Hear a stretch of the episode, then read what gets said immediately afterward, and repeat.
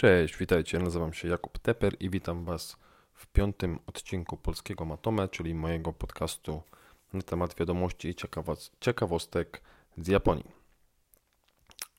Pomyślałem, że zmienię odrobinę formę tego podcastu, bo dotychczas mówiłem, widzimy się za tydzień. Starałem się w miarę raz na tydzień z lekkimi opóźnieniami, ale jednak publikować kolejne odcinki. Natomiast wydaje mi się, że w chwili obecnej, szczególnie kiedy 90% newsów dotyczy tak naprawdę tylko i wyłącznie tego, co się dzieje dookoła koronawirusa, zmniejszyć albo też zmienić cykl publikacyjny, to znaczy będę wrzucał nowe odcinki wtedy, kiedy znajdzie się tyle ciekawych i wartych wspomnienia wiadomości, aby takie nagranie nagrać.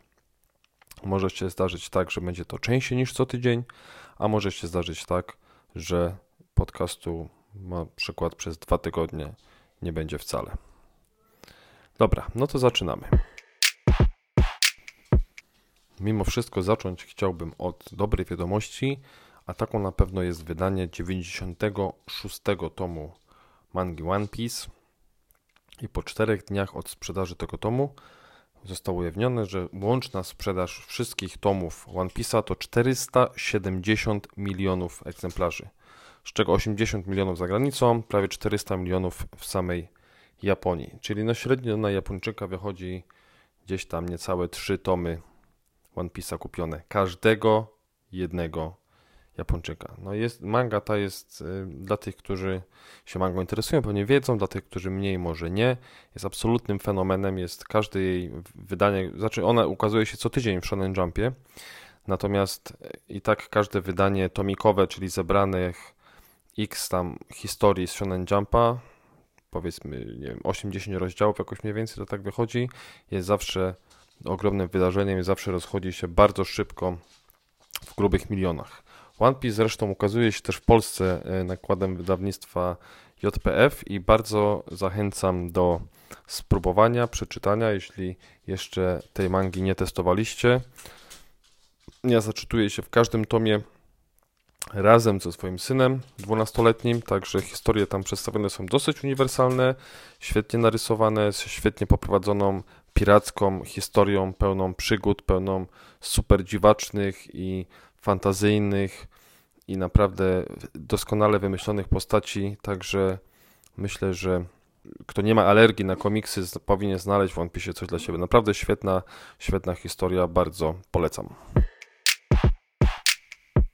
Dalej już niestety tak dobrych wiadomości nie mam. Big Camera, czyli potężna sieć bardzo dużych supermarketów z elektroniką, takie ichniejsze mediamarkty, często dużo, dużo większe, musiały niestety zrewidować wyniki finansowe w obecnym roku i e, przewidują, co ciekawe, że sprzedaż spadnie im o około 10% w stosunku do tego, co planowali, natomiast zyski aż o 90%. I tutaj przede wszystkim wskazują na brak gości z zagranicy, którzy dokonywaliby zakupów. Natomiast no, rozstrzał między zyskami a sprzedażą wydaje się tak przepotężny, że nie wiem, czy to po prostu gadziny kupują produkty o najwyższej marży, czy jak to wygląda. Natomiast no, podobno nie dzieje się u nich najlepiej. Na podstawie badań zleconych przez PIA KenQ okazało się, że w marcu, w samym tylko marcu, w ciągu jednego miesiąca, nie odbyło się 81 tysięcy imprez rozrywkowych w Japonii, na których nie pojawiło się w związku z tym 58 milionów Japończyków, a straty z tego wynikające to 1 miliard 750 milionów dolarów. Czyli no prawie 10 miliardów złotych, jak dobrze liczę, to jakieś abstrakcyjnie w ogóle wysokie liczby, no to tylko pokazujące, jak gigantycznym rynkiem jest rozrywka w Japonii. Przez tą rozrywkę rozumiemy rzeczy typu koncerty, typu y, występy komików, których jest od groma w Japonii takie, te, takie, e, takie eventy. No, rzeczywiście przepotężne straty dla tego rynku, a tych, tych będzie coraz więcej raczej niż coraz mniej, no bo lockdown, e, niewychodzenie z domów i wzrost zachorowań na koronawirusa mają cały czas przed sobą, znaczy dzieje się to teraz, natomiast jeszcze nadal, nadal e, są pewnie na wznoszącej niestety, więc straty mogą być i jeszcze większe. japoński rząd z Abe na czele y, w ramach tak zwanej tarczy ichniejszej antykoronawirusowej, to znaczy nie nazywają jej w ten sposób, ale jakby jednym z planów zapobiegających rozprzestrzenianiu się choroby jest dystrybucja po dwóch maseczek materiałowych per gospodarstwo domowe w Japonii, co oczywiście od, od samego początku już wzbudziło dosyć spore, sporo śmiechu i radości, no bo jak rodzina jest trzyosobowa, to jak we dwójkę wyjdą i tak dalej. No, jeszcze nie wpadli widocznie ci śmieszkowie na to, że można we dwójkę też wyjść i zostawić jedną osobę w domu. Anyway, podobno jest to około 50 milionów gospodarstw, gdzie zostanie to rozdystrybuowane. Z początku mówili, mówiono o koszcie 200 oku, czyli 200 mniej więcej milionów dolarów. E, teraz to się zmieniło. Okazało się, że koszt jest 466 oku, czyli ten, pod te 500 milionów dolarów. Mm, no, całkiem, nie, przepraszam, 440 milionów. No, tak czy owak, bardzo, bardzo duża e, kwota. E, dwa razy ponad większa niż to, co początkowo zostało ogłoszone. W tym momencie oczywiście pojawiły się głosy, dobra, no to może tę kwotę zamiast kupować maseczki całkiem drogo, rozdamy per e, na, dla każdego na głowę te same pieniądze rozdystrybuujemy, ale niestety no tutaj proste wyliczenie jeśli by podzielić tę kwotę przez wszystkich mieszkańców Japonii, czy też obywateli Japonii, no bo mieszkańców może być więcej, to mm, mamy zaledwie niecałe 400 jenów na osobę, czyli jakieś mm, no 15 zł, coś takiego, 20 zł niecałe. W związku z czym no lepiej pewnie dostać dwie materiałowe maseczki Natomiast nie da się ukryć, że rząd japoński ma całkiem sporo za uszami. Jest takim trochę obecnym polskim rządem B, to znaczy też w zasadzie próbują, oficjalnie są po prawej stronie bardziej niż po lewej i też z tego co widać próbują gdzieś tam zachachmęcić i pomiędzy jedną a drugą e, koronawirusową sprawą podrzucić inne tematy pod głosowanie. I tak w chwili obecnej system emerytalny na przykład w Japonii zakłada, że na emeryturę się przechodzi między 60 a 70 rokiem życia i tutaj jest pewna forma dowolności. Natomiast propozycja, która została złożona, zakłada, że nie już nie jest 60 a 70, ale 60 a 75 rok. Więc byłaby możliwość pracowania no, do wieku sporo wyższego niż u nas. Co biorąc pod uwagę, kiedy powstał w ogóle system emerytalny i jak długo ludzie żyli wtedy, no wydaje się sensownym rozwiązaniem. Natomiast Wiadomo jest, że sprzeciw społeczny byłby przepotężny przeciwko takiemu rozwiązaniu i no, pff, pewnie nie należało tego robić gdzieś tam schowanego, zachachmęconego. Jak wspominałem, czy ta e, propozycja przejdzie, tego jeszcze nie wiadomo, natomiast sam fakt, że się pojawia, jest pewnie dla sporej części Japończyków niepokojący. Jeśli zaś chodzi o gotówkę, którą mieliby otrzymać Japończycy w związku ze stratami poniesionymi przez koronawirusa, no to sprawa już się o tyle wyjaśniła, że ma być to 300 tysięcy jenów, czyli kilkanaście tysięcy złotych per gospodarstwo domowe. Natomiast nie dla wszystkich i tutaj są, te, e, są te mm, zasady dosyć, no, nie aż takie łatwe, jakby można było się spodziewać, albo można by było wymagać, e, bo wygląda to w sposób następujący taki, będę czytał na podstawie takiego flowcharta, który tutaj przygotowała jedna z japońskich telewizji, bo wydaje się on całkiem sensowny. Jeśli, pytanie pierwsze, czy między lutym a czerwcem tego roku spadły przychody w rodzinie? Tak, nie. Jeśli nie spadły, nie ma pieniędzy. Jeśli spadły, w porządku. Jeśli w takim razie spadły, no to dostaniesz te pieniądze, 300 tysięcy jenów, jeśli gospodarstwo domowe jest jednoosobowe i ma dochody do 100 tysięcy jenów, dwuosobowe 150 tysięcy, trzyosobowe 200 tysięcy, czteroosobowe 250 tysięcy jenów. Przy czym, no, umówmy się, że pensja 100 tysięcy jenów, czyli te 3 tysiące, 3-4 tysiące złotych w Japonii jest y, do wyciągnięcia pracując w McDonaldzie tak naprawdę w niepełnym wymiarze godzinowym.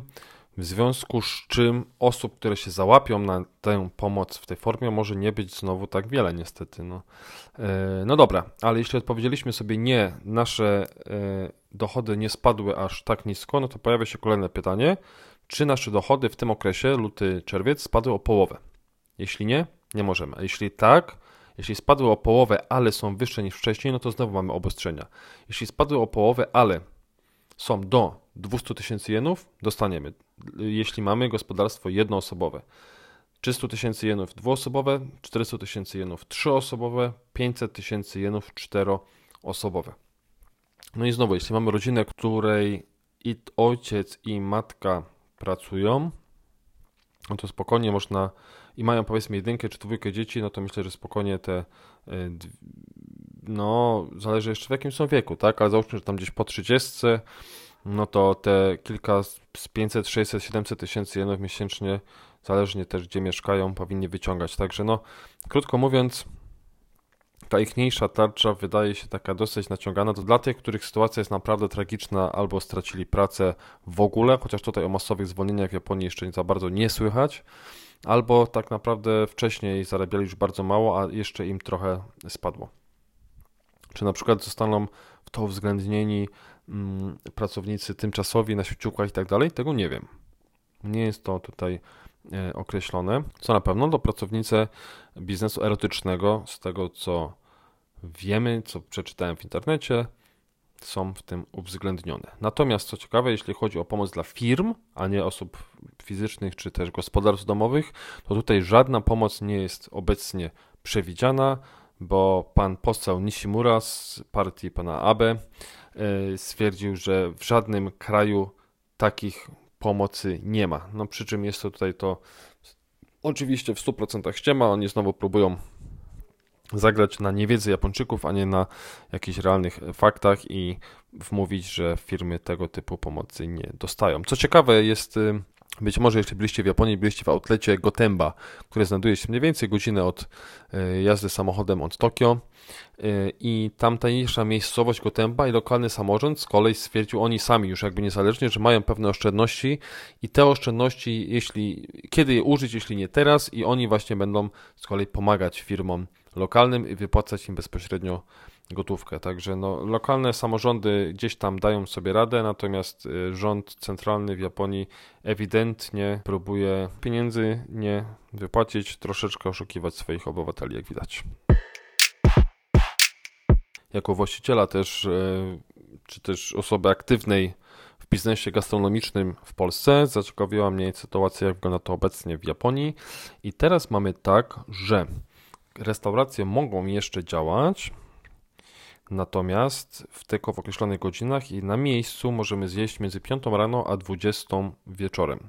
Co znowu nie jest aż takim jakimś turbo ograniczeniem, no ale, ale tak jest. A poza tymi godzinami też można dawać na wynos. I teraz tak, yy, największy problem miały oczywiście wszystkie knajpy serwujące alkohol, wszystkie izakaje, puby i tak dalej, no bo one przede wszystkim z alkoholu żyją a ten alkohol nie spożywa się, omówmy o 5 rano, chyba że się właśnie kończy, ale raczej y, po 20. No i spadki tam były dosyć dramatyczne. No i w związku z tym Narodowa Agencja Podatkowa w Japonii wprowadziła nową licencję, która umożliwia restauracjom oferować piwo, yy, sake, czyli tam nihonshu, shochu i inne napoje alkoholowe na wynos albo z dowozem, co wcześniej nie było możliwe. I teraz taką licencję można wyrobić na 6 miesięcy i do 30 czerwca o nią aplikować. Przy czym mm, no wszystko fajnie, ale tutaj znowu y, ukazuje się ta dosyć mocno papierkowa strona Japonii, gdzie na wszystko trzeba mieć papier i tak naprawdę można byłoby stwierdzić, że dobrze, możecie, jeśli macie licencję na sprzedawanie alkoholu, to możecie go sprzedawać też z dowozem czy na wynos, ale nie, trzeba postarać się o nową licencję. Podobno tutaj proces jest przyspieszony i trwa raptem kilka dni, ale nadal jest to te kilka dni i czy rzeczywiście tak szybko można to załatwić, jeśli nagle zgłoszą, zgłoszą się dziesiątki tysięcy miejsc, tego nie wiadomo. W związku z czym no, fajnie by było pewnie, gdyby wyszli trochę z pomocą bez papierologii, no ale widocznie nie jest to obecnie w Japonii jeszcze możliwe. I na koniec zostawiłem jeszcze jedną dobrą wiadomość, mianowicie hotele, czy sieć hoteli APA, nie wiem czy kojarzycie APA, to są takie dosyć tanie hotele, które można znaleźć w bardzo, w bardzo wielu miejscach w Japonii, takie typowe biznes hotele za 5-10 tysięcy jenów za noc. Często taniej nawet, tak naprawdę.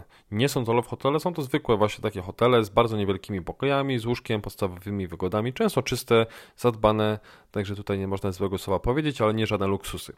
No i ta sieć właśnie APA ogłosiła, że w, raz, w razie potrzeby będą przyjmowali do swoich hoteli, do swoich pokoi chorych na covid z lekkimi albo bez objawów, w każdym razie tych, których należy izolować i którzy nie mają się jak izolować, szczególnie jeśli przypełnione byłyby szpitale, to właśnie w APA znajdą takie schronienie dla siebie. Przy czym tak naprawdę wydaje się to bardzo sensowne, no bo ruch w hotelach jest strasznie niewielki. Dzięki temu po pierwsze utrzymana zostanie praca dla osób, które w tych hotelach swoją pracę wykonują, czyli i sprzątaczek, i obsługi i tak dalej. A po drugie to całkiem dobry PR-owy ruch moim zdaniem, bo na pewno spojrzę jeszcze bardziej sympatycznym okiem na APA w przyszłości. Jeśli nie będę miał się gdzie zatrzymać w Japonii, to zawsze będzie to jakieś dobre rozwiązanie, do czego i Was również zachęcam. I to wszystko byłoby na dzisiaj w piątym odcinku. Dziękuję bardzo za wysłuchanie i do usłyszenia wkrótce w kolejnym. Do zobaczenia, cześć.